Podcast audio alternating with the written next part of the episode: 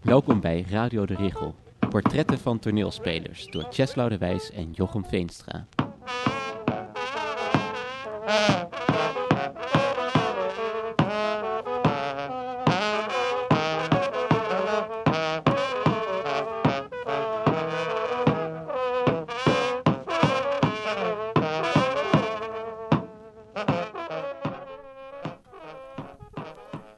Het is 12 november 2016 en we zitten met Josephine van Renen in boekhandel Sternheim. Josephine is danser en choreograaf bij de Dansers, een Utrechts dansgezelschap. Ik denk dans heeft een kant en dan als je gaat dansen, dan wordt het, kan het heel gauw heel conceptueel of abstract worden. En wij proberen toch vaak te iets directer te relateren aan iets wat je iets makkelijker vast kan pakken. Ik denk als je met dansen op je allerhart streeft om het heel concreet te krijgen, dat het dan eigenlijk nog steeds een hele abstracte kunstvorm is waar je heel open interpretabel naar kan kijken. Ehm, maar ik vind het wel leuk om het op die manier mee bezig te zijn, omdat we daarmee heel veel voor publiek kunnen spelen dat niet vaak naar dans kijkt en dan toch er iets mee aan kan gaan. En niet eh, echt, ik zit ook naar dansvoorstellingen te kijken en ik kijk, nou, ik snap waarom zoveel mensen zeggen dat ze niks van dans snappen, want het kan het kan zo. eh, ik denk dat eh, misschien mensen die goed zijn en super goed naar abstracte schilderijen kijken, ook iets zouden kunnen met dansen. Dat een hele logische relatie is. Maar het is ook. Ja, soms best wel moeilijk. Ja, ik, ik, ik, ik beschouw mezelf wel als iemand die goed naar abstracte schilderijen kan kijken. Mhm. Nou, misschien kun je ook wel heel goed naar Ja, allerlei soorten dans kijken. Vind je Ja, dans moeilijk? Ja, ik vind dans wel moeilijk om te kijken. Maar omdat ik altijd afvraag of ik hoe, in hoeverre ik er zelf mijn gedachten mogen af, af zeg maar, in hoeverre ik soort van er de hele tijd mee bezig moet zijn met de dansvoorstelling. Of dat ik zeg maar wel een beetje zo mag laveren zo tussen de dansvoorstelling en tussen mijn eigen gedachten. Ja, misschien ook beginnen nu weer te betwijfelen. Het is maar ook net de fase waar ik nu in zit. Hè, dat ik denk dat dit werkt voor dansen. Dat dit een manier is waarop we streven naar het. Dat het een uitwisseling kan vormen met het publiek. Eh, Want heb je, al- heb je al een andere fase daarvoor gehad? Ehm, nou, ik heb pas drie stukken gemaakt. Mhm. En altijd met de dansers? Altijd met, elkaar, met dezelfde ja, altijd mensen? met deze groep. Ja, en op school heb ik wel eens wat dingen gedaan. Maar dat beschouw ik achteraf als hele kleine eerste stap in iets. Had ik nog net geen onderzoek. Dat was gewoon van, nou, eh, probeer iets te maken waar mensen naar kunnen kijken.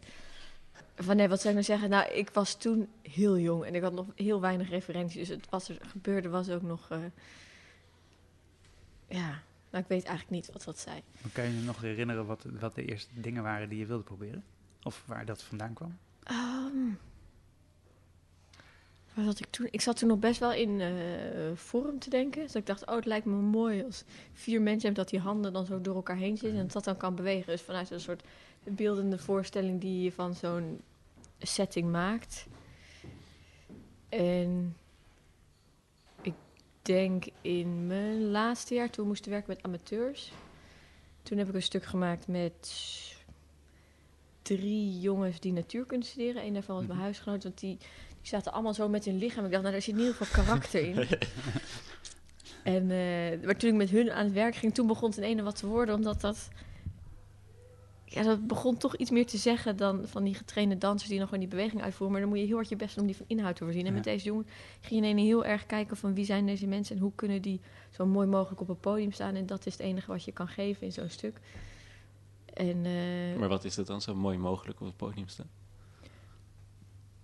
Voor mij Want dat kan toch vooral alle met- vormen krijgen? Dat kan allerlei vormen krijgen, maar ik denk met mensen die nooit op een podium staan, dus streef ik er eigenlijk altijd naar. Ik werk nu ook met een stuk met twaalf jongeren van de internationale schakelklasse die überhaupt nooit iets met dans gedaan hebben. Ik denk als je ze zover krijgt dat ze niet bang meer zijn en zichzelf eraan overgeven. En met dans vind ik dat superleuk, want dan probeer ze gewoon aan te zetten. Weet je wel, ook een scène daarin dat ze gewoon zo hard mogelijk een wedstrijdje naar voren moesten rennen en heen en weer. En als ze het, als ze het geloof erin hebben dat dat loskomt, dan maakt niet uit wat ze doen, maar dan staan ze zo mooi mogelijk op het podium.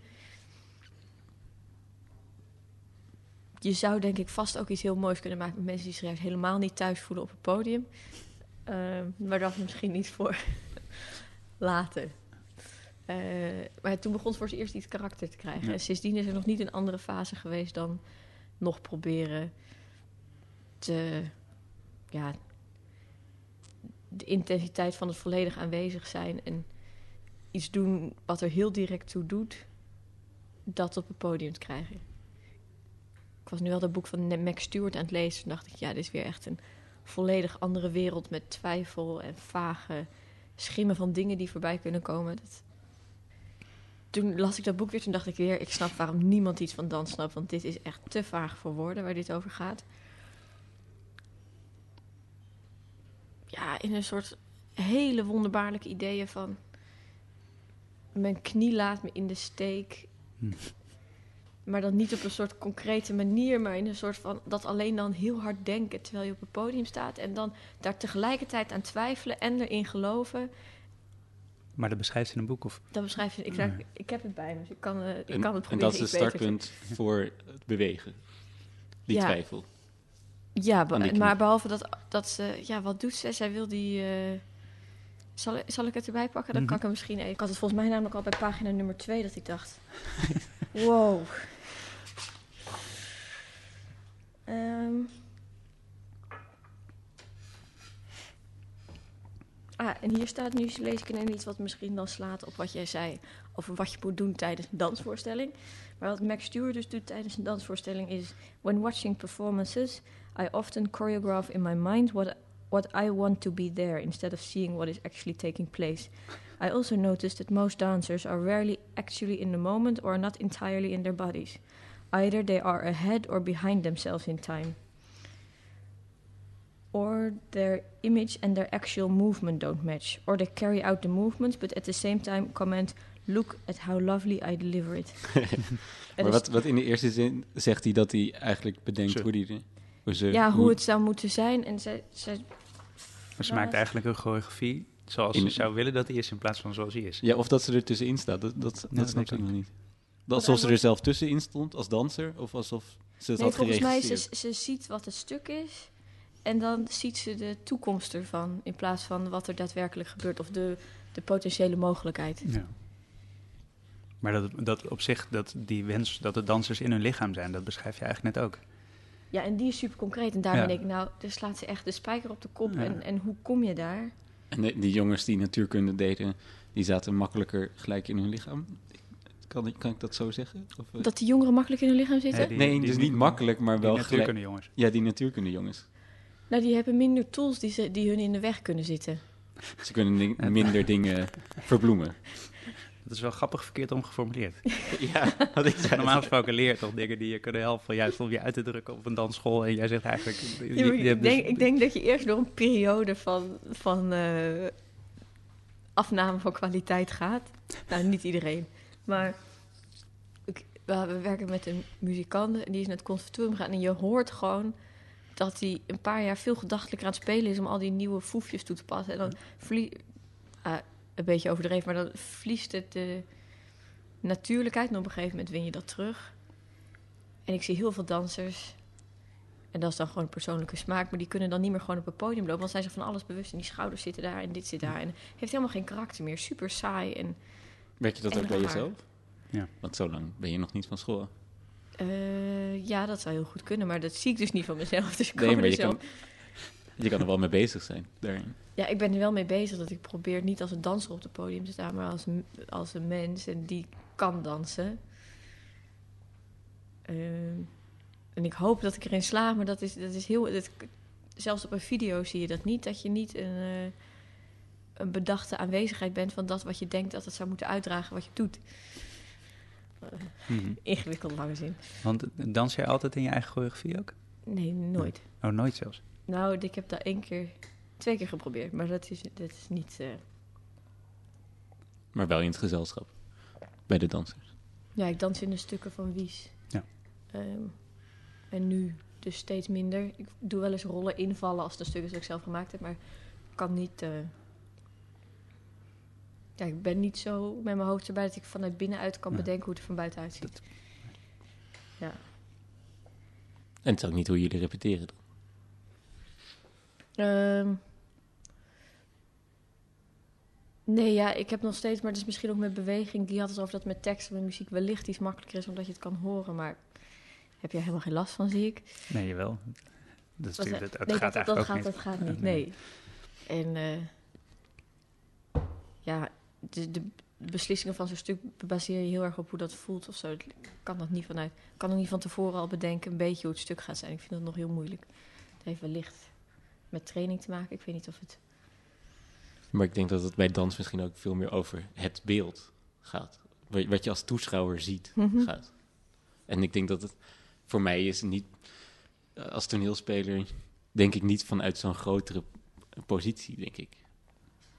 Ja, en ik denk dat dat Misschien ook wel wel, heel ja. erg gaat over precies dat van of dat lichaam, of dat overbrengt wat je hoopt dat het overbrengt. En daarin, maar dat is, zal het toneel net zo zijn, is de Ja. gedachte die wat je denkt te doen, kan gewoon heel erg verschillen van wat je daadwerkelijk uitkomt. Maar eigenlijk Ehm. zegt, denk ik, Max Stewart... Tenminste, als ik Ja, dat goed ja. begrijp, dat dat eigenlijk niet zo is. Dat, het, dat je waarschijnlijk goed moet denken, wil je goed kunnen dansen. Ja, ja zij is heel erg vanuit de gedachte bezig. Ik heb heel hard geleerd om zo min mogelijk te denken als je danst. En eh, ik zit nu nog even te kijken of er nou Ja. nog echt een, een, hoe zeg je dat? Een, striking example is over.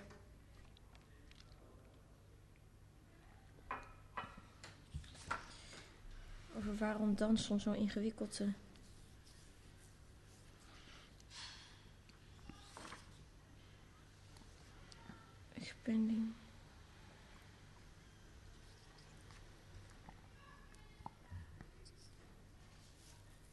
Nou, ze doet bijvoorbeeld wel, misschien is dat dan goed. Ze heeft dus in het midden van het boek heeft ze ook opdrachten staan waar zij dus heel veel mee werkt. En dat gaat heel erg inderdaad over de gedachten van de danser, wat ik wel een interessant vertrekpunt vind.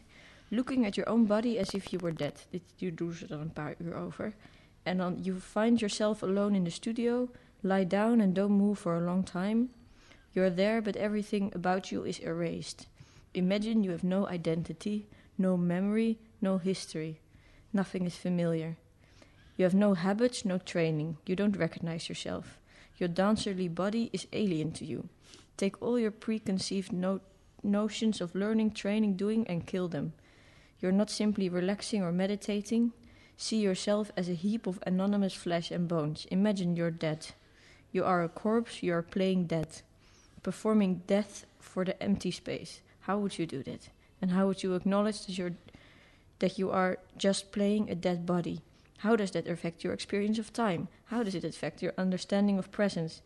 There is no visible movement, just stillness, emptiness, transparency, or maybe you move a little bit.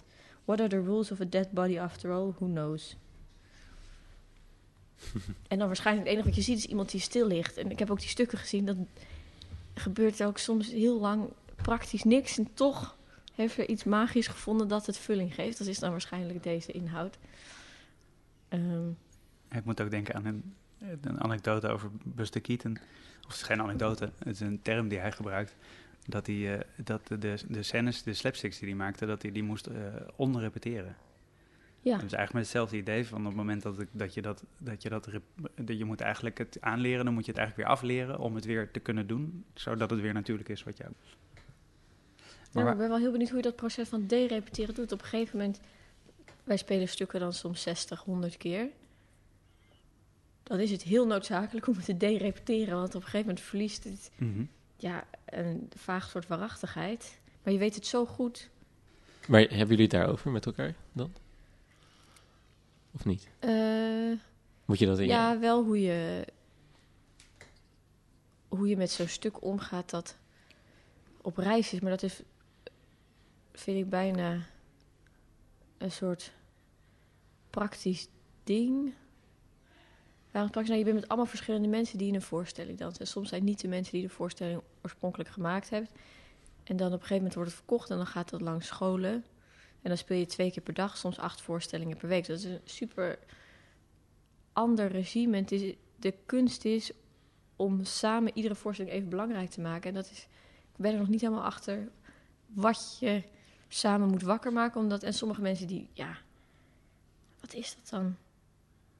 Die voelen dat dan gewoon niet meer. En ik weet niet, ik heb nog niet Gevonden hoe je dat Gevonden. weer hoe ik dan, wat je bij iemand aan moet spreken, dat hij het weer iedere keer in deze zoektocht wil ondernemen. Want op een gegeven moment, ja, je staat om half vijf 's ochtends op, je gaat naar die school, er zijn dan vervelende docenten, er is gewoon allemaal ruis eh, die soms alle aandacht opeist. Dat ligt dan aan de persoon, wat er, of dat stuk dan, op wat voor manier dat stuk kan groeien, of dat, je, dat het... Maar jullie praten er niet over dan? Ja, op een gegeven moment wel. Wat zeggen jullie dan? Ehm, nou, wat we vaak doen is dat we proberen elkaar te blijven verrassen. Dus dat je met elkaar blijft spelen en ter plekke.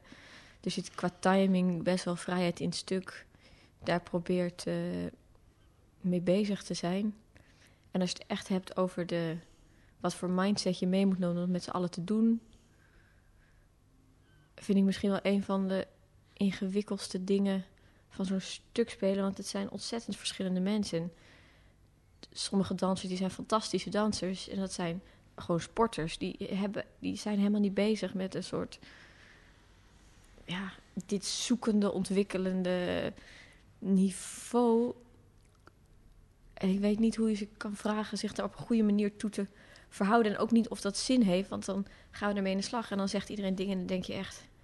Wat heb ik hier in werking gezet? Want nu gaan ze elkaar allemaal napraten. Iets wat helemaal geen, geen zin gaat hebben. Eh, want we zijn geen collectief. Het is niet dat iedereen... Iedereen is op een bepaalde manier deel-eigenaar. Maar iedereen is aangesproken op zijn krachten. En van heel veel van mensen met wie ik werk... is de kracht hun openheid en volle overgave aan de beweging. En is dat ja, ook meer een sensitief proces... dan een gedachtelijk aangestuurd proces. Is er voor jou dat volle overgave ook een beetje tegenstrijdig mee?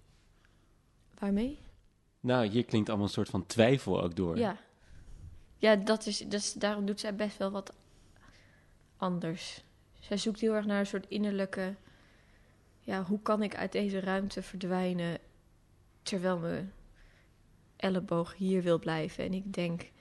Ze had ook een fantastisch ding gedaan... dat ze ging onderzoeken... een mislukte voorstelling ging onderzoeken.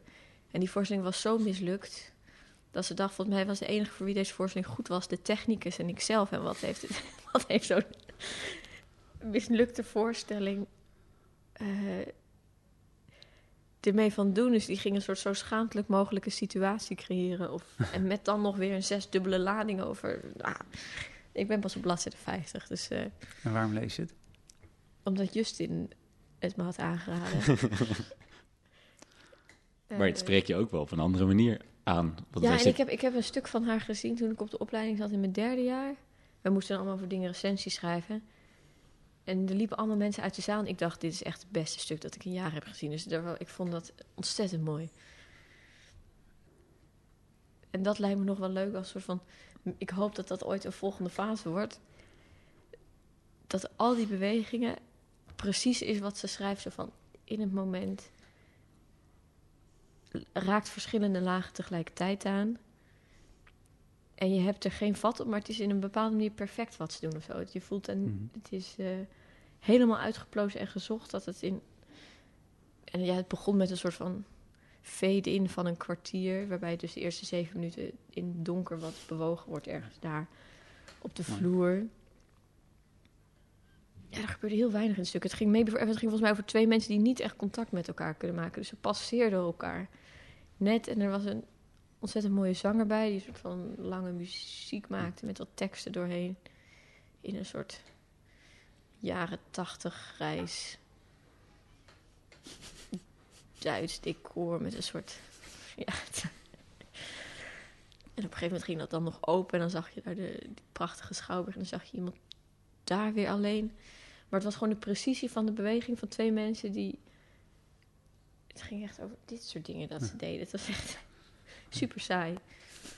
Zou je maar het kunnen zeggen. saai. Nee, maar het was niet saai, want het was echt fantastisch eh, uitgevoerd. Maar het is, het is acht jaar geleden, ik weet niet meer precies wat, hoe en, en wat er dan zo goed aan was. Behalve dat, dat ik er dus wel een heel sterk gevoel aan heb overgehouden dat het echt heel veel betekende wat zij deden. Oh ja, dat is wel zo dat ze dan... Ze stonden zo even met z'n tweeën voor op het podium. En ik dacht, ik heb nog nooit van mijn leven iemand zo open op het podium zien staan naar die zaal toe. Hm. En dat is een soort... Ja. En dacht je toen, ik wil daar staan? Of dacht je toen, ik wil weten hoe dit in elkaar zit? En hoe ik mensen kan laten staan? Nee, ik dacht toen... Wat wonderbaarlijk en prachtig dat ik zoveel mensen op het podium zie... en dat ik dan hier twee mensen zie staan... die op een of andere manier zo erg een luiken weg kunnen laten... dat dat... Ja, en ik weet dan niet... Je grijpt dan naar het woord spiritueel of zo... en dat is niet precies waar het over gaat, maar... Ik denk, wat gebeurt daar? En ik dacht niet van hoe hebben die mensen voor elkaar gekregen... dat ze dit tastbaar en herhaalbaar hebben kunnen maken. Ik heb er toen gewoon van genoten. Uh, maar als ik dit boek zo lees, zijn het allemaal hele... voor dansers gigantisch gedachtelijke dansers. Maar heb jij hetzelfde wat zij ook beschrijft... dat je in feite al, als je naar een dansvoorstelling kijkt... al, al een andere versie aan het, aan het maken bent in je hoofd... terwijl je er naar zit te kijken? Nee, maar ik heb wel dat dans me minder snel laat betoveren. Toch, want je ziet, je ziet hoe je gemanipuleerd wordt als publiek. Ja. En dat herken je gewoon veel sneller. Eh, ja, maar kan het zonder wel heel erg van genieten. En het heeft dan toch vooral mee te maken of die dansers een bepaald iets weten aan te raken, waardoor het, ja, waardoor het de beweging ontstijgt. Maar dat, is, dat zoek je natuurlijk altijd naar op het podium. Vind je dat Stewart dan het publiek ook uh, manipuleert of niet? De- Denk je dat dat... Of had je eigenlijk het gevoel dat dat helemaal niet aan de hand was?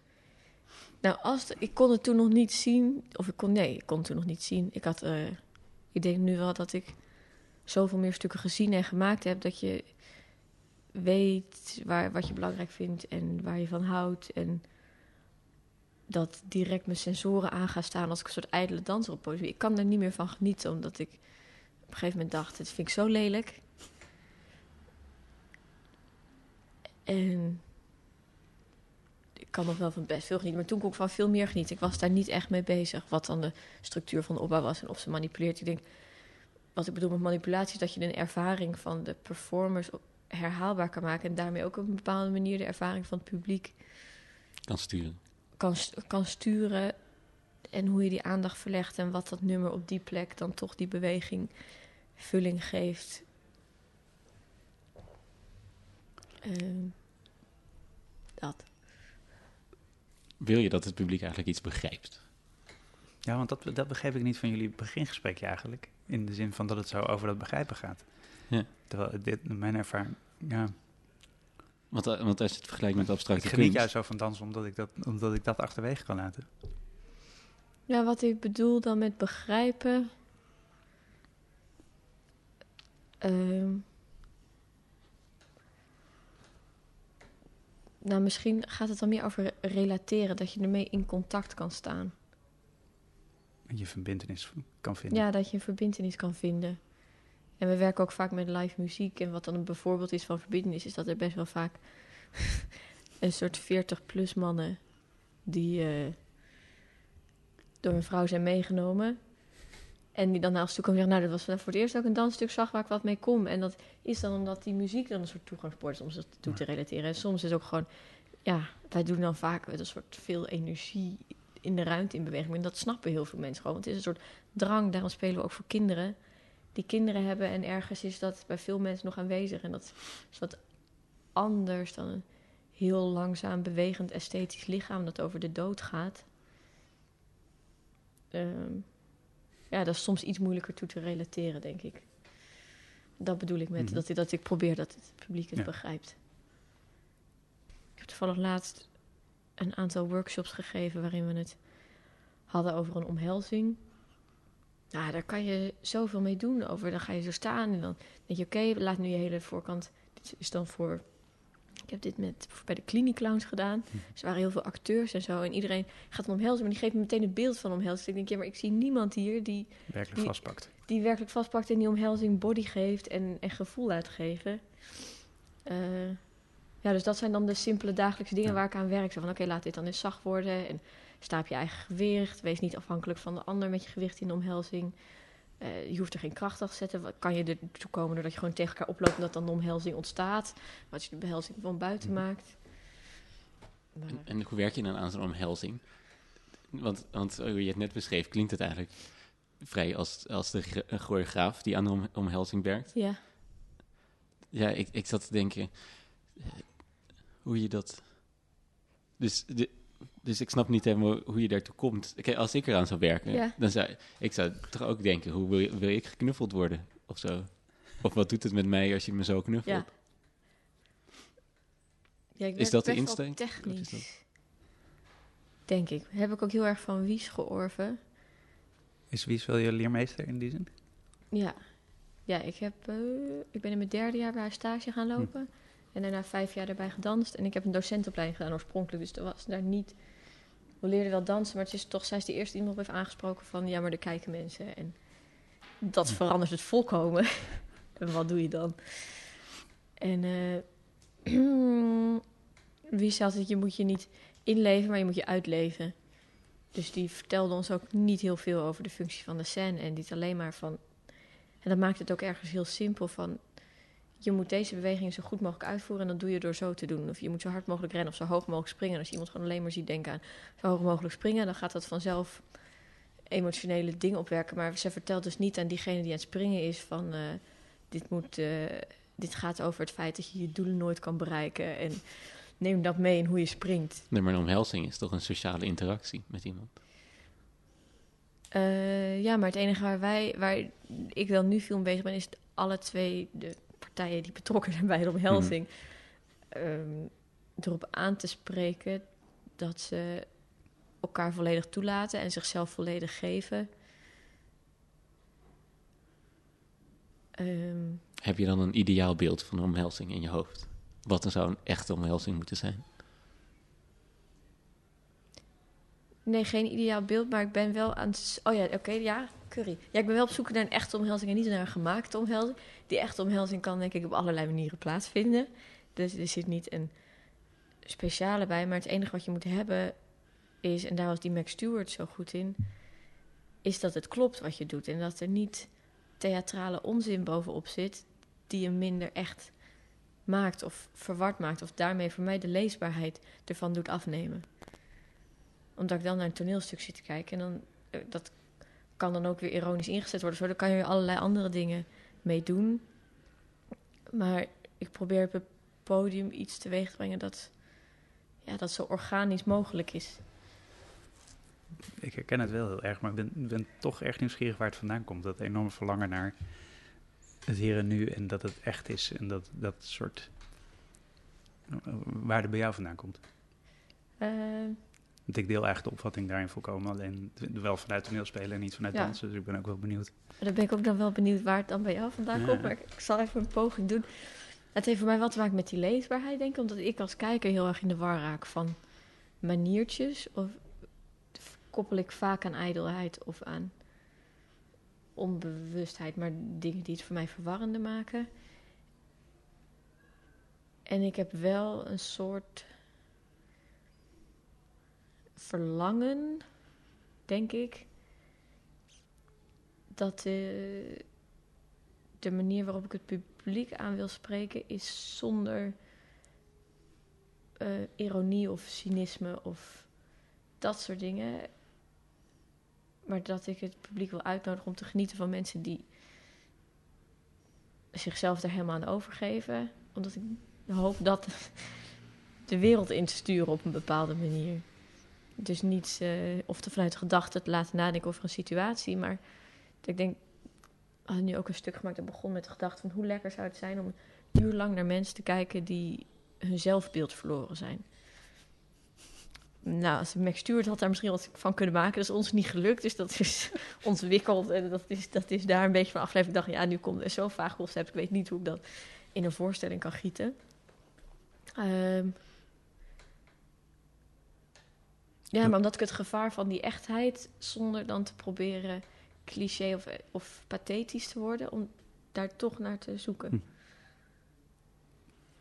Dat denk ik. Voor mij is het denk ik... ehm, heel in het algemeen gezegd dat het de enige vorm... de- als, het, als mensen het hier en nu zijn en ze zijn er en het is echt... dan is dat eigenlijk de enige vorm van leven waar je naar kan kijken. En dat is eigenlijk het enige wat interessant is. En al de rest is eigenlijk een soort van dood. Waarom zijn jullie ooit gaan samenwerken? Mag ik die vraag aan jullie allebei stellen? Eh, eh, maar het is heel praktisch was het. Dus de, Loek Zonneveld die zei tegen ons dat we familie waren. Ik weet nog steeds niet waar hij dat precies op gebaseerd heeft. Nee, maar, nou, ik denk, ik, ik, als ik het voor mezelf zeg, dan gaat het denk ik over ehm, dat we op een, toch op een bepaalde manier wel goed met elkaar kunnen praten. En dat, ja. dat is niet dat je dat heel vaak tegenkomt, dat je met mensen goed kan praten. Wij zijn ook ooit begonnen met een soort avonden waarin we dan eh, allerlei mensen samenbrachten. En we dan probeerden in één avond zo'n ding te maken. Dus dat relateerde ook heel erg aan de chaos van de troepandemie. En Mhm. zie op het moment wat er gaat gebeuren. En jullie noemen jullie zelf, zelf wel een collectief, ook, toch? Of, of niet meer? Of Nee. niet? Nee. we hebben dat heel, we hebben dat een paar maanden gepoogd, maar er wa- waren we vrij snel uit dat dat niet the way to go was. Dus eh, en eh, ja, en iets in praten en het wel, ik snap wel altijd heel erg wat jullie zeggen als we het dan ergens over hebben of wat en hoe dat dan gaat en eh, concreet niet concreet. Hoe denk je aan je publiek? Wij proberen het zo begrijpelijk mogelijk te maken. Jullie proberen de verwachting dat je er iets van gaat begrijpen, probeer je onderuit te halen zo snel mogelijk, dat je er last van hebt. Nou, zo waren er nog echt wat dingen dat ik dacht, het is zwart en wit. En tegelijkertijd was het ook niet zo, want je kan het net op een andere manier zeggen. En dan was het weer hetzelfde uitgangspunt. Dus dat is... Het is ook Leuk. een beetje, een beetje de, de- dat denk ik wel eens, als, omdat jullie dansers zijn en wij toneelspelers of zo, dat je dan denkt, eh, zoeken we niet expres een, het onderscheid op? Of zo. Voor- voor- is het niet heel handig, omdat we toch goed met elkaar kunnen praten, om jezelf te proberen te definiëren aan de hand van, zeg maar. Ja. Ja. Ja. Wat ik ingewikkeld daaraan vind, is dat de zoektocht die ik net een beetje beschrijf, van die waarachtigheid van de beweging, dat is een hele andere aanpak dan een aanpak die ik met tussen twee aanhalingstekens, eh, ziet u niet, tussen twee aanhalingstekens amateurs eh, toepas. Want dan probeer je iets wakker te maken. Mhm. En bij de, de dansers probeer je juist iets ongrijpbaars zoveel mogelijk te pakken. En dat kan je niet doen met lichamen die er niet getraind en bewust van zijn. Ik denk, wat is dan het uitgangspunt als we op een podium staan... waarop we met elkaar praten? Want ik kan proberen in de rol van een tekstproducerend iemand te stappen... en dan kan ik met mijn... Nou ja, ik bedoel, iedereen is gewend om op het toneel te staan... kan je proberen tekst te geven en daar met elkaar te praten. We kunnen ook proberen met z'n allen rond te rennen... Maar misschien moet je dat volgende keer proberen. Kan je ook proberen echt met elkaar te dansen? Kan je dan een gênant... Ik heb nog wel een soort droomvoorstelling van, Nou, eigenlijk, van een, voorstelling van alleen maar gênant te dansen. Maar het- je, je noemt eigenlijk nu al, je hebt al bijna drie keer genoemd dat je daar toch wel, dus dit, dat beeld van een, de mensen die geen zelfbeeld meer hebben, een mislukte voorstelling van Max Stewart, nu eigenlijk ook een, de gênante momenten. Ergens ben je wel op zoek, blijkbaar, toch naar zo'n andere kant, waarbij de onhandigheid of, de, of het niet kunnen of het, of het mislukken of zo een, een uitgangspunt kan zijn. Ja, ik denk wel, ja, het breekt wel dingen open, denk ik. Maakt het ook super empathisch. Ik denk wel dat het met getrainde dansers, die zijn er gewoon op getraind om niet onhandig te zijn. Dus dat is niet echt, kan je beter... maar, met maar jij doet nu of- net alsof je alleen maar met getrainde dansers werkt. Dat is, dat, met de, met de Laconij, dat zijn toch allemaal geen getrainde dansers? Nee, daar kan ik het ook in zetten. Ja, maar dan staat er zo'n... zo'n hypergetraind danserslichaam naast. Ja, dat is gewoon, dat is gewoon een...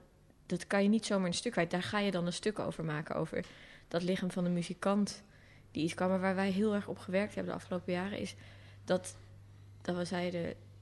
De muziek en de dans is een uitdrukking van hetzelfde. We hebben alleen allebei een andere uitingsvorm tot onze beschikking. Maar we gingen heel erg uit van de groep die hetzelfde was wat we proberen te doen door veel naar elkaar te kijken, samen in dezelfde energiestroom te zitten. En ja, ze zaten heel erg op de groep hetzelfde, helemaal niet op het contrast tussen de een en de ander, maar juist Mhm. een soort utopisch groepje met elkaar. Is het als eh choreograaf ook soms eh, terughouden? Of is het juist altijd extra voeden? Hmm, weet ik niet. Daar ben, daar ben ik nog naar op zoek.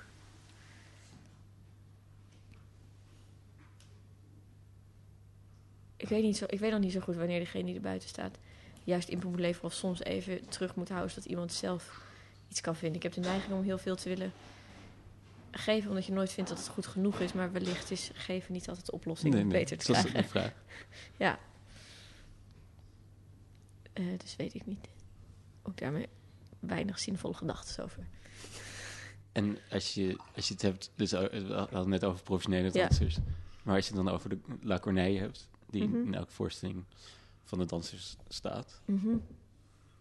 eh, Ga je daar anders mee om? Of behandel je die inderdaad echt als hetzelfde? Want, want als ze dansen, hè? dus niet Ja. als ze muziek spelen. Eh, nou, wel anders. Ik bedoel, wil ik kiezen? Ik zit even te denken wat ze dan doen. Nou, Guy is gewoon ook zelf best wel oké met zijn lichaam. Dus die is fysiek slim. Dus die snapt de aanwijzingen van de verschillen in omhelzing, bij wijze van spreken. Dus die Mhm. Kan je specifiek aanwijzingen geven. Maar het is wel zo dat, als we, dat we wel vertrekken vanuit dat wat goed werkt voor zijn lichaam. En de andere mensen die meedoen, Maak je je choreografie ook tijdens de repetities, in de improvisaties, of, of, Ja. of bedenk je ze van tevoren bij spreken? Nee. Nee, ik maak, vaak maken de dansers ook zelf dat Ja. ik het zo een beetje zo samen. En de andere is dan toch meer dat je gewoon probeert dat ze zich er volledig in laten gaan. Zo van dat ze in een renstuk erin zitten. Ze hebben wel oog voor compositie en timing. Dus als je een groep, zoals bij Noord of Nergens, dan rennen ze zo in zo'n groep. En dan op Oerel dat ze over Hmm. de berg. En die muzikanten kunnen daar gewoon ook kijken van compositie en timing. En verder moet je zorgen dat ze, dat ze goed rennen.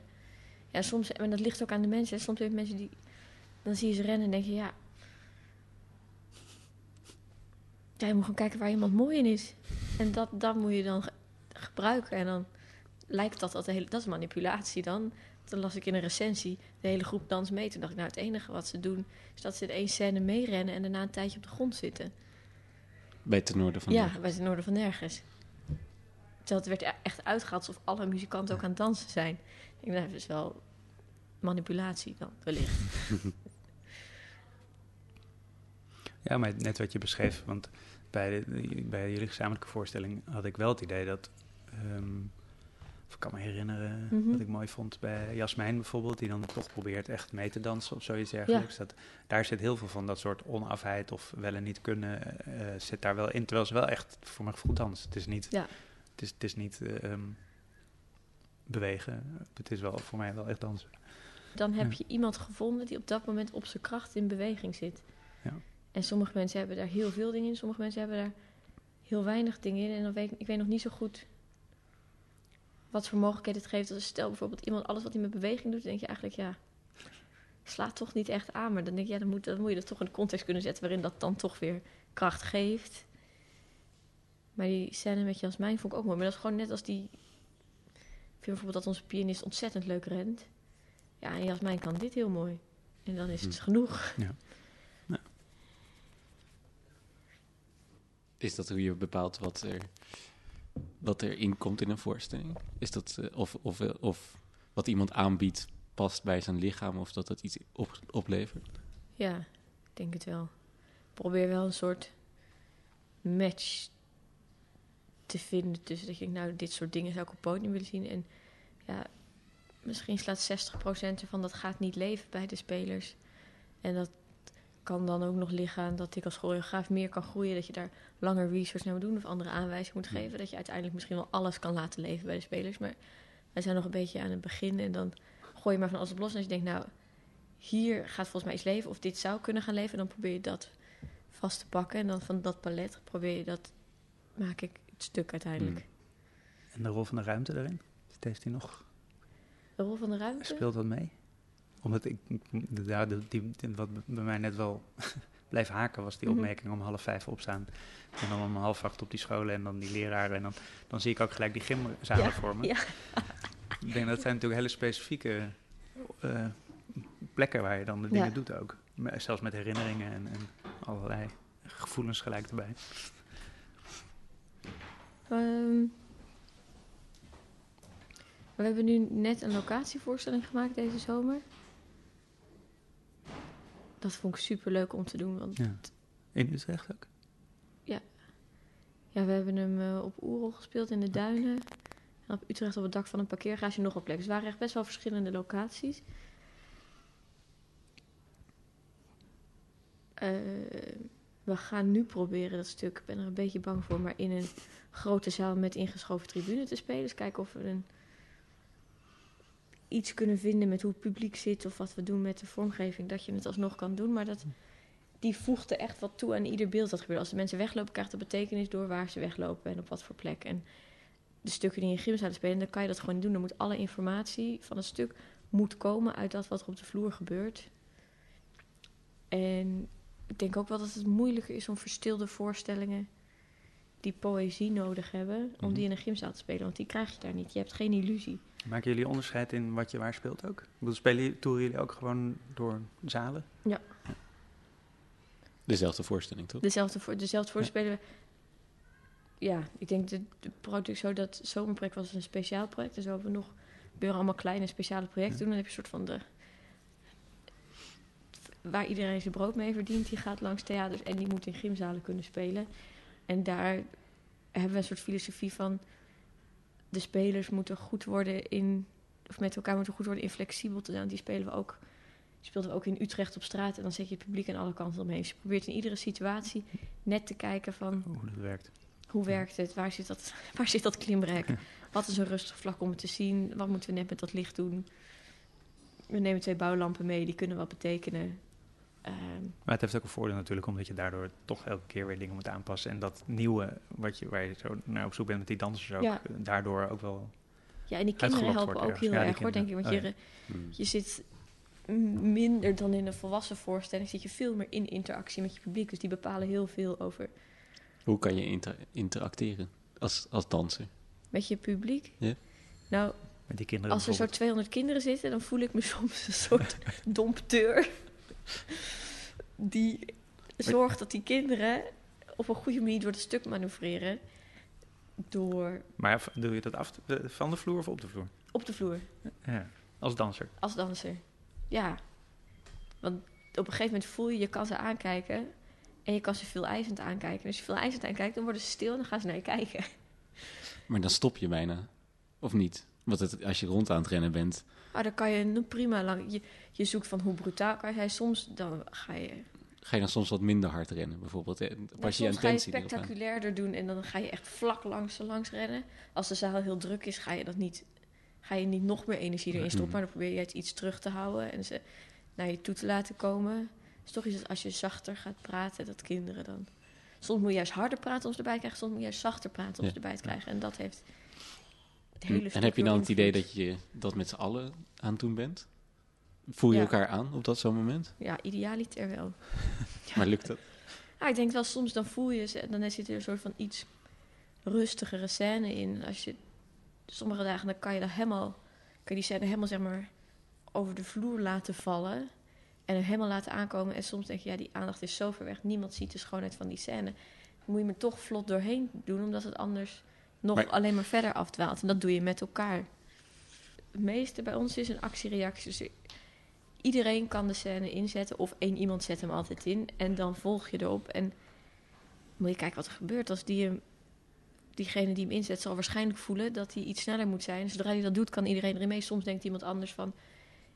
Ik heb het idee dat je wil wachten, maar volgens mij moet je echt eerder beginnen. Dan zet die hem in en dan ga je toch mee. Je moet gewoon in verband staan met iedereen. En als één iemand een beslissing maakt, dan kan het niet anders dan dat de groep... Dat hoef je niet af te spreken of een leider daarin te hebben. Hoe, hoe belangrijk is het daarin dat je eigenlijk een soort van ensemble bent, en, maar ook vormt misschien?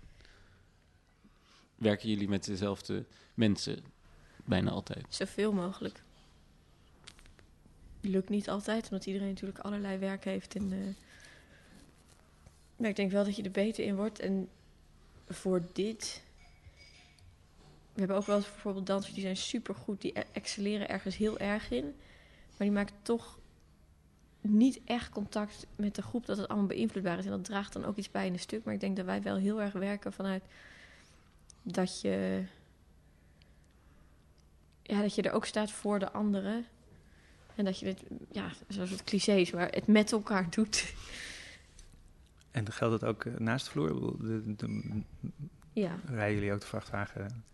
Eh, bouwen jullie zelf op? ja, ja.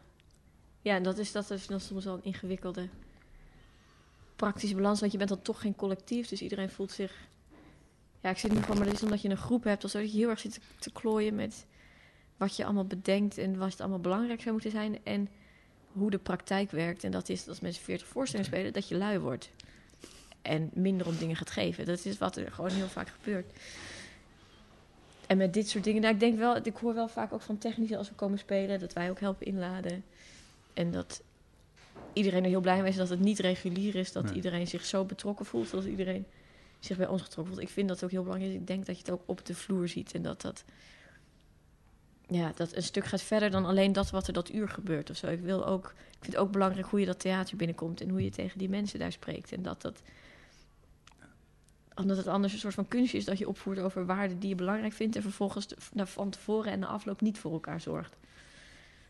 Dat is, eh, ja, dus dat proberen we wel zoveel mogelijk.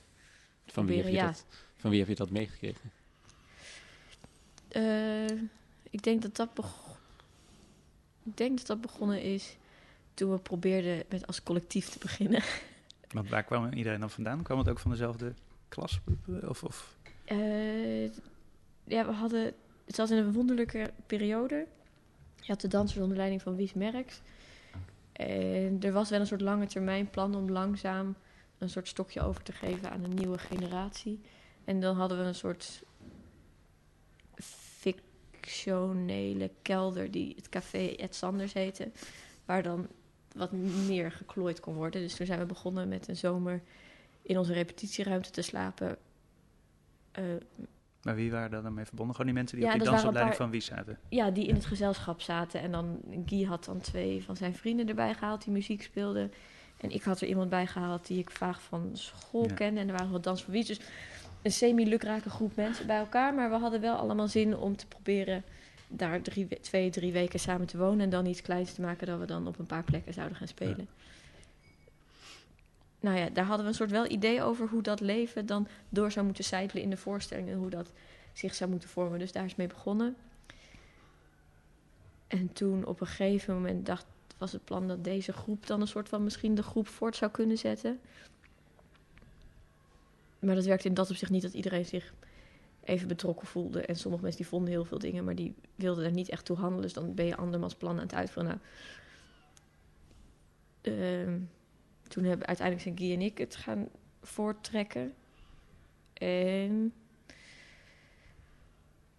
ja, dat is gebleven. Maar ook omdat we met een soort crew waren van de oud-artistiek leider. Die, Mhm. nou, ja, die ging steeds verder afstand nemen. En wij namen het over. En er was geen geld. En dit kon niet alles. Dus je, doet het, je, doet het, je deed het wel echt heel erg met elkaar. Ja. En nu zijn we dan iets aan het professionaliseren. Dus we zijn heel erg aan het zoeken hoe je dat intact kan houden. Of, Terwijl dat je nog wel... Hoeveel voorstellingen? Je speelt 150 voorstellingen of zo.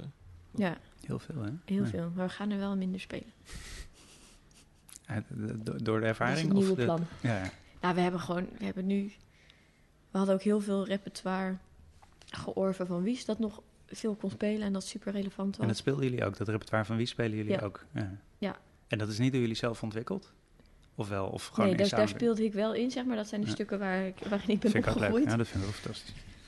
En eh, dus die hebben we. We gaan nu volgens mij december de laatste Droomstad spelen. Dus die hebben toch drie of vier jaar wel allemaal gespeeld. En in welk verband stond dit nu? Oh ja, nou, we speelden gewoon heel veel, want dan had iedereen ook werk. Ja, je probeert het. Was op een of andere manier van hoe komen we die komende jaren door met. eh, en er was gewoon te veel. Er had ook niemand op het kantoor. Nee. Dus iedereen moest ook wel wat doen. Maar die hebben de kantoorpensioneel. Nu hebben we kantoorpersoneel, ja. Dat wordt anders. Ja, dat is wel heel anders. ja. Ik moet wel zeggen dat ik een stuk rustiger ben. dat is dan wel weer fijn. De spelers zijn volgens mij ook minder gefrustreerd. Ja, het werkt, het werkt ook wel echt goed. Maar je verliest wel... Ja, wat verlies je? Ja, het zijn allemaal zulke ontastbare Mhm. dingen. Het gaat ook in periodes. En met welke mensen... Soms heb je een groep mensen en dat gaat allemaal aan andere mensen. Ja, die zijn van zichzelf afstandelijk of minder betrokken. Of die zien werk als werk. En anderen zien werk als een leven. En dat... Ja, Ja. ik vind dat ongelooflijk ingewikkeld. Hoe dat werkt en... Maar voel je je af en toe een ook een manager? En wat? Een manager van het personeel. dat Eh, lijkt me vooral wat raar als je personeel hebt. Dat je moet managen. Ja, maar je, je bent al een manager als je een choreograaf bent. In dat opzicht. Want er zijn mensen en je wil dat er iets gaat gebeuren en iedereen is deel van het geheel. Maar je bent wel de omstandigheden dusdanig aan het creëren dat je denkt dat er iets goed gaat gebeuren. Mhm. En Maar voel je je nu extra verantwoordelijk voor, voor die mensen? Ook daarbuiten? Eh, nou, ik voelde me niet verantwoordelijker dan toen we zonder kantoor begonnen. nee, dat niet. Nee, het enige wat anders is, is dat je toch, omdat je samen op de vloer staat, meer dingen met elkaar deelt dan met iemand met wie je allemaal praktische dingen aan het bespreken bent. Dus dat je dan wel moet zoeken van hoe. Ik vind het wel belangrijk dat die band net zo persoonlijk is als dat dat is met je spelers. Ehm, Waarom Dus is dat, dat- zo belangrijk? omdat ik. Want het, de, om, ik vraag het om... Ja? Ik, ik denk dat de zakelijke kant ook iets minder persoonlijk is. Dat is Ja, maar ik, ik vind het dus jammer als dat. In dat opzicht heeft het ook te maken met dat ik denk van. Je moet niet voor de voorstelling alleen maar aan jezelf denken. En dan tijdens de voorstelling doen dat we met z'n allen zijn. Want is dat in feite ook wat elke voorstelling uitdraagt? Nou, we hebben wel veel met deze dingen gewerkt. En dat ook dat groepsding. Dat is, dat is wel een soort fase van de Ja. afgelopen Dus dat is ook jaar. echt letterlijk de inhoud geworden eigenlijk. Niet alleen Ja. de, de vorm waarop je het doet, maar ook de Ja. inhoud. Ja. Ik had laatst een gesprek met iemand over dat je zelfs... Nou, dat ging dan over een poging om te doen of het mogelijk was... minder vanuit een soort gedachte aan dat dingen geld op moeten leveren te denken. Ja, maar ook door de subsidie word je erdoor gestimuleerd van... beter dat je iedere 30 kinderen in een les hebt... dat je aan het eind van het jaar kan zeggen... nou, we hebben met zoveel kinderen educatieve activiteiten gedaan... in plaats van, we hebben met 10 kinderen echt iets heel speciaals in de zaal gedaan... wat zo goed gaan ze leven lang niet vergeten. Ehm, dus ik denk dat je constant ook op het kantoor moet proberen de juiste attitude te blijven bewaren. Omdat anders naar een kant op helpt die de. Wat een. Als je niet zo over nadenkt, een makkelijke reactie naar de wereld om je heen is. En dat moet je proberen te voorkomen. Dus, dus ik vind dat wel belangrijk, ja. Dat je allemaal weet waar je mee bezig bent. Hmm. Is het, was het makkelijk om personeel te vinden dat er dat daar binnen past of binnen jullie groep? Ja, dat is wel een gok. Dat- het liefst vind je iemand die dan tegenkomt dat je denkt, nou dit is het. Maar dat, bij ons tot nu toe toch vaak dat je denkt, we kennen niemand in onze omgeving die dat zou kunnen doen. En dat je dan een sollicitatie uitschrijft en dan, Maar Ja. gokken. en dan ja, maar gokken. Of denk, ja, we hebben tot nu toe echt alleen maar hele fijne mensen gehad. Dus ik, ho- dus ik denk toch wel dat we enigszins een beeld kunnen vormen van wat je dan denkt dat gaat Hmm. passen. Maar dat, ja, dat beïnvloedt gigantisch. Ik vind het ook iedere keer weer eng als dan weer iemand weggaat. Dat je denkt, oh ja, dat gaat dan... De invloed beïnvloedt elkaar weer allemaal. Want één iemand kan die allemaal dingen, dan gaat hij weg. En dan verdwijnt dat weer. En dan moet het hele ding zich weer opnieuw settelen. Het is echt... Het is ook een soort stuk dat je aan het, aan het creëren bent. Oh, er valt een danser uit. En dan komt er weer een nieuwe danser. Die kan weer andere dingen. Ja, en dat staat er niet zo goed. En dan, nou, dan gaat dat stuk weer veranderen. Moet je hem weer opnieuw maken?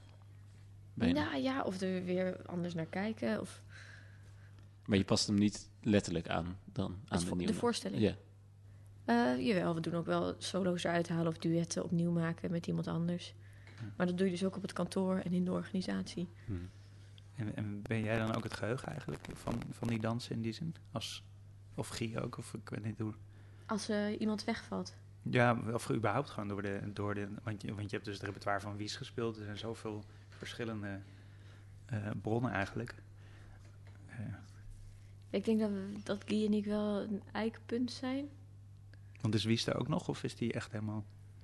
Achtergrond Wies heeft nog een stuk met ons gemaakt in afgelopen januari. Dus dat is weer een nieuw stuk.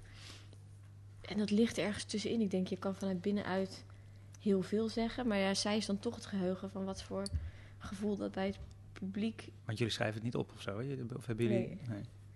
Nee, we filmen het soms, maar zelfs dat... Mijn geheugen zit heel erg in wat die betekent. Volgens mij denk ik wat die beweging betekent, van waar ze over gaat. Ik voel als het gewicht niet echt is en dat wat dat. dat Voel je dat letterlijk in je lichaam? ja, je voelt het en je ziet het. Ja, ik vind het- daar denk ik dat ik nog wel heel veel kan bijdragen als er nieuw iemand komt. Dat die, eh, ja, dat die bewegingen inhoud hebben. Kijkt Wies naar jouw eh, ge- choreo- choreografieën en, en, en werkt ze daar nog dan... Werkt dat door of zo? Als ze daarnaar kijkt? Eh, ja, je, ik denk, zeg maar, inhoudelijk ken je elkaar zo goed. Je hoeft niet eens meer te kijken. Nou jawel, want ze, ze, ze kwam laatst... Wat was het nou? Ik was een stuk aan het maken bij het atelier Oerol. Ja, en ik kwam er niet helemaal uit. En ik was dan met Simone Hogendijk aan het praten, die dan de begeleiding deed. Maar die vloog het heel erg aan vanuit soort wie zijn deze mensen en wat doen ze in deze ruimte. En ik was ook met allemaal regisseurs daar die aan het praten waren over karakters. En toen dacht ik, nou, ik kwam er maar niet uit. En toen kwam Wies en die zei, ja, die dansers weten niet waar ze moeten staan. je moet gewoon even zeggen, je moet een meter van die boom afstaan, hier. En volgens mij geeft dat de grond die dit mist, waarom het een beetje vaag blijft. Dus en bij een ander stuk is komen kijken, zei volgens mij, dit doe je nu aan het begin, maar volgens mij moet je dit aan het einde doen. Of ik deed het aan het eind, zei ze, volgens mij moet dat het begin zijn. Ja, zulke soort dingen, Ja. dat... dat eh, Ja, want hoe doen jullie dat? De dramaturgie van zo'n van zo'n voorstelling. eh, f- hoe wij werken is dat die muziek die best wel bepaalt. Schrijft Guy nummers. Is dat Ja. het startpunt? Ja, af van de zomer wel. Die heeft dan een soort, maakt dan een soort muziekpalet van dingen die er Mhm. liggen. En dan ga je er luisteren en al luisteren. En dan kom je erachter dat je denkt, oh ja, dit past. Ik weet niet waarom. Maar iets in het, soms is het de tekst, soms is het het gevoel dat het je geeft. Want hij zingt ook. Het zijn li- liedjes met Ja. tekst. Ja. En En heeft hij ook al een volgorde in zijn hoofd dan? Of- ja, dat, dat, komt, dat vloeit er dan op een gegeven moment toch vaak uit voort. Er zijn gewoon liedjes die zijn meer zo. En dan denk je, ja, dat is beginenergie. En je voelt gewoon wanneer het er doorheen gezakt is. En dat is dan eindenergie. en dan is met de beweging ook een soort van zo. Je hebt armen en benen. En je hebt inhoud. Ja, en dan begint daar een soort verloop uit te komen. En dan is het eh, ja, dus een soort van goed lopende energielijn maken in hard en zacht en toelaten. En eh, ja, ik denk misschien hetzelfde als met montage, voorstellingen. Het wordt niet echt door inhoud gestuurd initieel. Op een gegeven moment wel hoor, want dan ga Ja, je want dat is denken, wel oké, een we verschil. gaan Bij. Bambi vertelde Paul van der Laan dat Ja? zij wel echt eigenlijk een heel, al hun bewegingen psychologisch eh, Motiveren. motiveren eigenlijk. Oh, wat fantastisch. Maar dat hebben jullie dus eigenlijk helemaal niet. Minder. Ik denk dat het wellicht ook komt doordat het iets abstracter is. We hebben dan nu wel van het laatste stuk was de lijn van vast naar los. En nu gaan we nieuw maken. Dat wordt van orde naar chaos. dus de, zit dus dat bij de elkaar in de buurt, toch? lijn waar je en dat lijkt dan ook nog eens op elkaar. Dan denk je, eigenlijk doe je gewoon iedere keer hetzelfde, maar toch is het een heel ander stuk. En Maar je de probeert wel dingen met de- consequenties aan elkaar te verbinden, hoor. Dat je denkt, op een gegeven moment dan is het nodig dat mensen aankomen op de plek en dat de grond wordt aangeraakt, dat iedereen moet zitten. En dan ga je naar vloermateriaal en dan denk je, oké, maar dit materiaal dat gaat rollen en vanuit rollen gaat iets op gang komen. Dus daar moet een explosie achteraan. En dan denk je, na die explosie, omdat we ook op precies drie kwart van het stuk zitten, moet er een scène zijn waarin het gelukt is dat we emotionele impact hebben gepakt. Nou, maar dat zijn een soort basisprincipes Ja, die je aan het naleven ja. bent.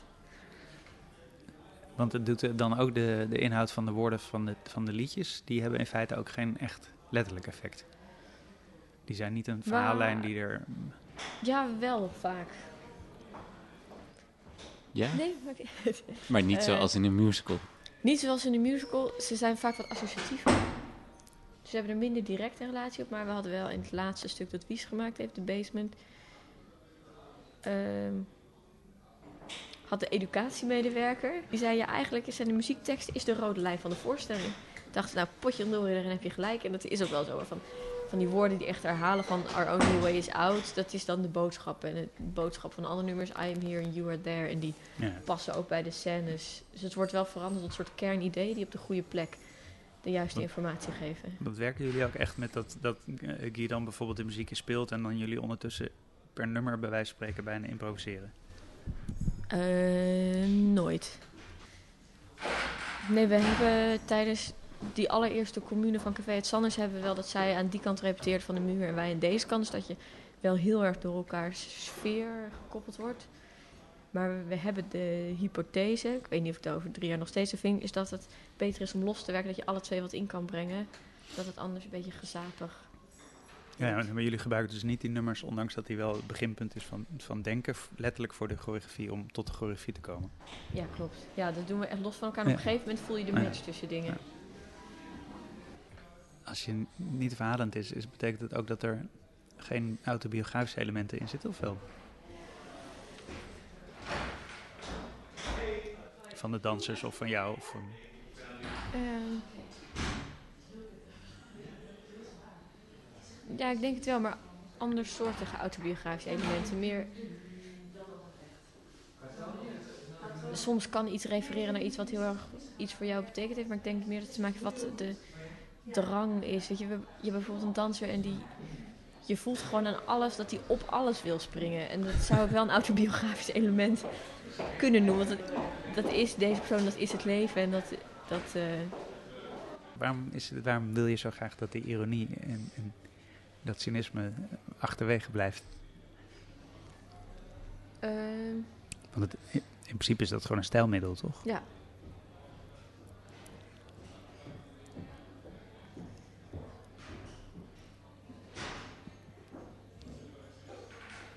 Ja, omdat ik... Ik denk dat het ironie en cynisme met dans iets ingewikkeld is. Omdat het iets is waar je je achter kan verbergen. Ik denk op een gegeven moment moet je dat afgooien. Want daar hou ik van. Je kan, ik denk wel dat je met ironie en cynisme... Het is niet dat ik, er, dat ik er niet graag naar kijk of zo, want in andere stukken kan ik het heel erg waarderen. Ik heb er niet echt goede woorden voor wat dat dan is. Nou, dat het ja, een verbergen, soort van, een verbergen is een soort van gevoel voor onvoorwaardelijke liefde. En dan denk ik dat, dat dat is waar je op een bepaalde manier naar zoekt. En daar hoort dat niet in thuis. Dat houdt dingen op een afstand. Is dat ook echt waarom je danst zelf? Om, omdat dat een gevoel van die onvoorwaardelijkheid er kan zijn? Eh waarom ik dan?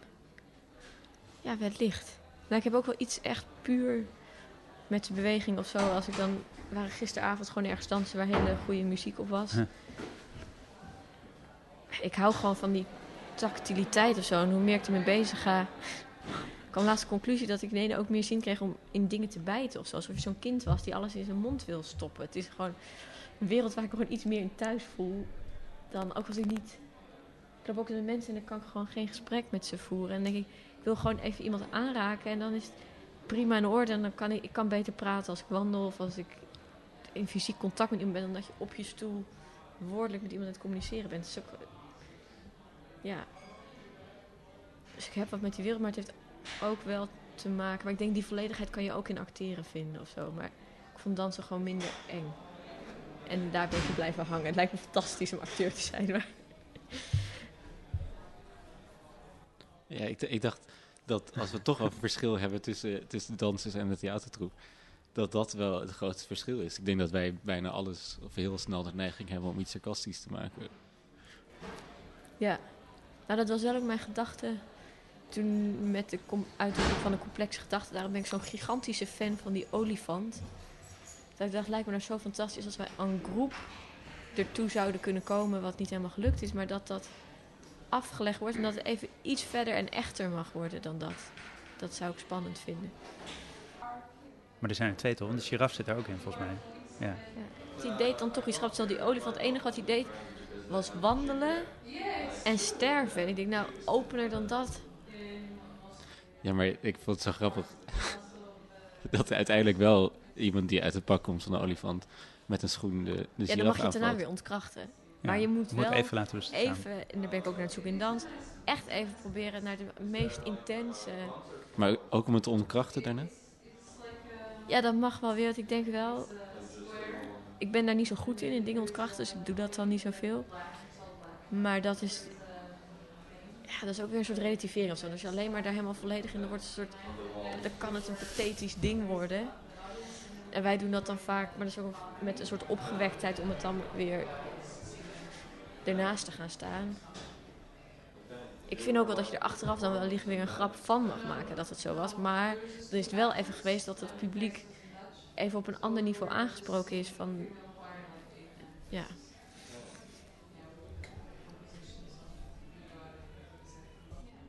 Ik snap nu denk ik ook beter hoe je wil dat, dat, het, dat de toeschouwer het stuk ervaart.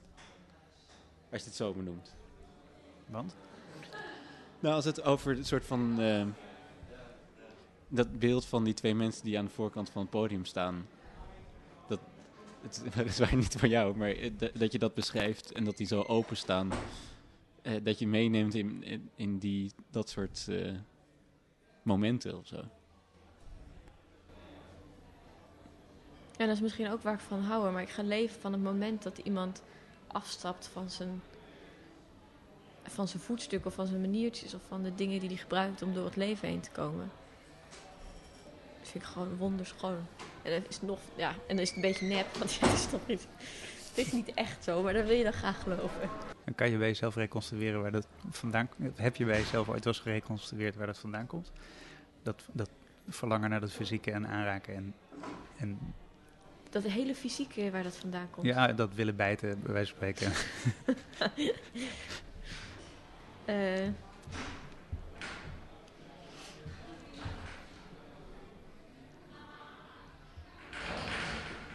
Mm, nee. Wat ook niet relevant is. Ik liep altijd heel erg krom. Zo, weet je, zo, een beetje zo weggemoffeld. Daarom zei moeder, nou, dan gaat dan maar ballet. Terwijl je rechtop staat. Nou, vond ik leuk, want dan kon je goed. De mensen zeiden, ach, goed, ziet er goed uit. Dus nou, dat is complimentjes. Dan, eh, en dat was, ik denk, in het tweede jaar. Want je bent eerst dans op, dansdocent op, eh, je hebt Ja. dansdocent gedaan, Ja. hè? En er was ook nog een soort van per ongeluk, want het zou alleen een. eh, ik zou een soort. Want ik was best wel een jonge student. Dat ik dan tussenjaar dansopleiding zou doen. En daarna dan een, een andere opleiding. Eh, Dat had je jezelf voorgenomen.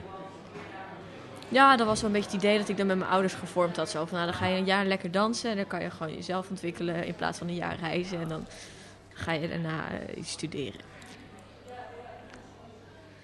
En pas toen op school waren er mensen die een soort van dat vakje open deden. Waarom? En dat heeft dan misschien te maken met die fysicaliteit of zo. Dat het er soms toe leidt. En misschien zelfs ook wel dat je denkt, oh, ik zoek die plek achter het cynisme of zo. Eh, dat je soms op een plek komt waar je dan niet meer bang bent. En dat je je dan zo eh, thuis daarin kan voelen. En ik had dat best wel een tijd bij contactimprovisatie. Aan de ene kant vind ik het doodeng, want je gaat met allemaal andere mensen en partners kiezen. En is dat wel goed genoeg. Maar soms is er een moment dat dat lichaam het overneemt. En dan, ja, Word dan je ben, dan ben je de angst voorbij. Ja, dan ben je bevrijd. en eh, ja, dat vind ik in beweging. En wellicht had ik het in acteren kunnen vinden, maar dat vind ik veel te eng. Misschien over Maar heb je jaar. nooit dat moment gehad? Want als je al die momenten opzoekt waarin je jezelf wel kwetsbaar opstelt, dan toch? Want dat is eh, wat je ook opzoekt in een dans. Mhm, Kwetsbaarheid. mhm. Heb je dan niet momenten dat, dat je het wel eng vindt? Ja, genoeg. Ik vind een maakproces ook doodeng. Maar het spelen niet. Ook maar minder, want bij het spelen ben je op een gegeven moment beschermd door het stuk. ja, die schept een context dat het oké is. En juist je kwetsbaarheid laten zien. Dat kan je alleen maar als je die angst kwijt bent of zo. Maar dat betekent ik. niet dat je, dat je soms die angst niet meedraagt. Nou, ik denk. Ik vind wel zo leven. En met mensen praten, ze continu aftasten van iedereen. En daar gebeuren allemaal ingewikkelde dingen. En de momenten waarop je zegt: maakt me allemaal niet uit. En ik geef het helemaal. Dan ben ik toch te rationeel of te. Ik zie constant alles om me heen, zeg maar. Ik ben met Guy is dan soms super verbaasd wat ik dan allemaal heb opgemerkt. En dat je ja, ik noteer alles en ik verwerk het ook en ik heb er ook gedachten over. Wat mijn, wat mijn gedrag soms wel beperkt maakt, op best wel vorm. Dus ik geniet gewoon heel erg van de momenten dat dat niet zo is. Of dat je juist probeert te zoeken of de meeste tijd van je leven eraan probeert te besteden, daarvan daaraan te blijven. Daarom Mhm. kan ik ook niet tegen ijdele dansers of arrogante dansers. Dat, kan ik heel, dat vind ik heel onaangenaam. Maar ik begrijp het heel goed dat je dat misschien op de vloer niet hebt, maar eh, of je dat nooit daarvoor hebt of zo. Dat, dat, het- Voordat Dat- je opgaat bedoel ja. je? Oh, Of ik dan bang ben. Ja, ik ben meestal bang dat ik het niet volhoud of dat er iemand iets breekt. gewoon Dat is mijn grootste heel letterlijk angst. fysiek. Eh, ben ik bang voor het publiek? Nee, ik bedoel niet. Ik ben bang voor jezelf of zo, eerder. Dat je jezelf helemaal moet geven, dat je over moet stellen daarvoor. Dat, die angst heb ik. Die angst heb jij. Ja. En wat is die dan precies? Dat je mensen iets moet laten zien van jou. ja. Zeker in tijden dat het niet zo persoonlijk niet zo goed gaat. dat je dat Ja. gevoel hebt. En dan vind ik het alleen eng als er mensen in de zaal... Ik vond vroeger... Ik heb mijn ouders ontzettend beledigd... dat ik echt niet wilde dat ze naar mijn dansvoorstellingen kwamen kijken. Dat ook een soort kant van jezelf is die je dan blootgeeft... die je dus blijkbaar... die mijn ouders... Ja, die je niet aan hen hebt laten zien op een bepaalde manier. Of dat je daar dat je dan toch heel angstig voor bent. Maar dat is dan... Eigenlijk ben je dan bang voor je persoonlijk leven. Ik ben niet bang voor die mensen die daar net zitten. Want ik heb juist behoefte aan om het, het open te breken. Maar niet aan je ouders. Maar dan vind ik dat wel heel eng als daar mensen zitten die ik ken, ja. Want dan wordt het in ene persoonlijk dat je iets gaat laten zien. Ja, Een soort van je privacy laten zien. ja, ja. Denk ik. Ja. En ik vind een maakproces in dat opzicht, ik weet niet of je het daar dan ook hebt, vind ik spannender. Want daar moet je aan iemand die je kent, die vraag je je open te geven en dan moet je dingen geven. Ja, en dat gaat ook over alles van goed tot kwaad en zwart tot wit. En dat je je daar dan aan overgeeft. Ik vind het wel moeilijk om soms je schaamte of dan je oordeel daar echt een beetje buiten te laten. Oh, nee, dat heb ik niet. Dat heb je niet. Maar ben je veel eisend van je, bij dansers? Doe je het door? Of, of Nee, ik ben best wel zacht. Nee, dat is omdat je ook natuurlijk, je hebt ook een soort verantwoordelijkheid voor de kwetsbaarheid van die dansers als je vraagt om het open te stellen. Ja, maar soms moet je iets, en dat vind ik nog wel moeilijk, moet je iets iemand geven of een soort van ruimte geven of vrijheid geven of iets aanvuren dat hij dat kan doen. Maar ik werk met mensen die dan vier jaar ouder zijn dan mij en veel meer ervaring hebben. En dan denk ik toch, ja, pak ik het toch een soort van collectief aan. Want ik vind het ook debiel als ik tegen hun ga zeggen, geef meer, geef meer. En dan denk ik, ja, maar ik heb echt totaal niet te gronden waarvanuit ik tegen iemand anders kan zeggen dat ik denk, ik kan alleen maar, ja, iets openleggen waar we dan in kunnen gaan staan. Grappig, ik zie dat toch wel heel anders. Hm? Ik, ik zie dat toch heel anders. Eerder dat Hoe je, heel- dat je hele concrete eh, voorstellen doet.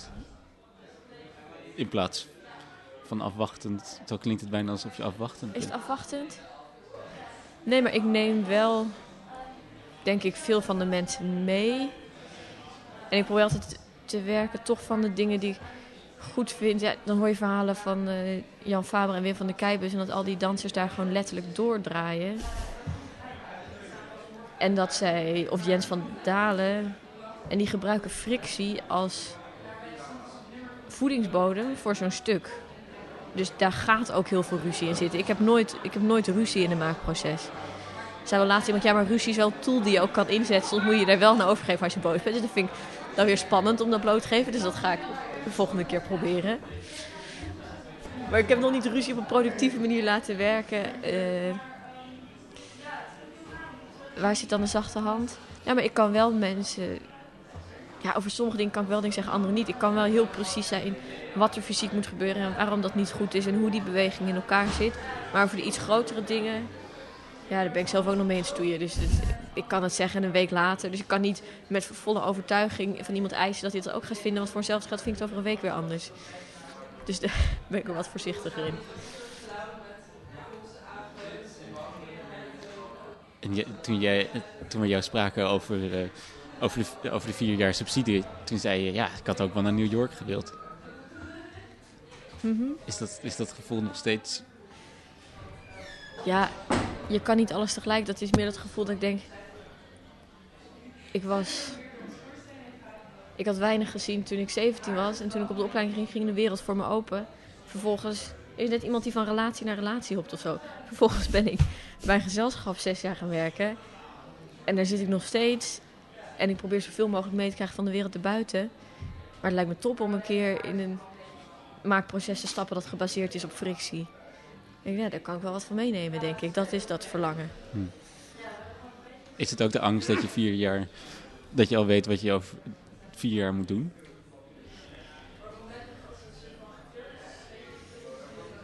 Eh, nee, dat niet. Wellicht wel de angst voor de... Wat ik heel wonderlijk vind aan de groeiproces waar je dan in bent... is dat eh, het op het moment een beetje voelt als een constante aftakeling. Maar eigenlijk is dat gewoon dingen die veranderen. Maar je verliest constant dingen. Helemaal als je vier jaar met iets bezig bent. Je krijgt dingen, maar schijnt iets te zitten met in een menselijk lichaam. Dat je als je verliest, dat je dat beter onthoudt dan als je wint. Dat het belangrijk is voor je overleving. Dus je hebt steeds het gevoel dat je allemaal dingen verliest. En dat is, dat is misschien de angst voor vier jaar. Dat jij de continue persoon bent en doorgaat. Dat je steeds opnieuw met allemaal wisselende dingen. En je bent, ook, je bent ook iets groots aan het doorbouwen. Maar je bent ook steeds kleine dingen steeds opnieuw aan het opbouwen. En steeds weer overnieuw te beginnen. Daar kijk ik wellicht een beetje tegenop. En dan voelt de vrijheid heel lekker. Want dan kan je gewoon, heb je alleen verantwoordelijkheid voor jezelf. Ja. Ja, maar het gebeurt overal. Ik vind het echt... Hoe ouder ik word, hoe verbaasder je erover wordt. Dat je denkt... Toen je 18 was, dan waren er dingen die zo waren en die waren goed zoals ze waren. Maar eigenlijk zie je gewoon overal mensen die... Ja, die iets proberen op te starten. En dat gaat dan weer weg. En dan zijn er weer mensen die opnieuw proberen datzelfde op te starten. En dat is een soort... Want alles... Praktisch niks. Ik bedoel, zo'n dansstuk is niet blijvend. Is ook niet vast te leggen. Gebeurt alleen daar. Is de schoonheid ervan. Net als die samenwerking met die speler op dat moment. Omdat eh, de sterren bij elkaar kwamen. En eh, ja, het valt samen en er gebeurt iets moois. En hoe meer van dat soort momenten je hebt, hoe meer je ook weer ja, kwijt bent. Denk ik. ben ik bang. How are people reading the body? At the time of no longer ready made, we believed that the body could speak in ways the voice and language could not, that has its own unique way of conveying information, which is why we didn't regard movement as ab- abstract but as situational or as a body saying this or that. The arm says this, but the head is saying something else, and the legs don't even want to talk, but are just stuck to the floor. Mind and body are dissociated, different body parts have their own cut off desires, with the psyche floating in between. This kind of disagreeing body could show language, could show the movement was not just design, but could actually carry meaning.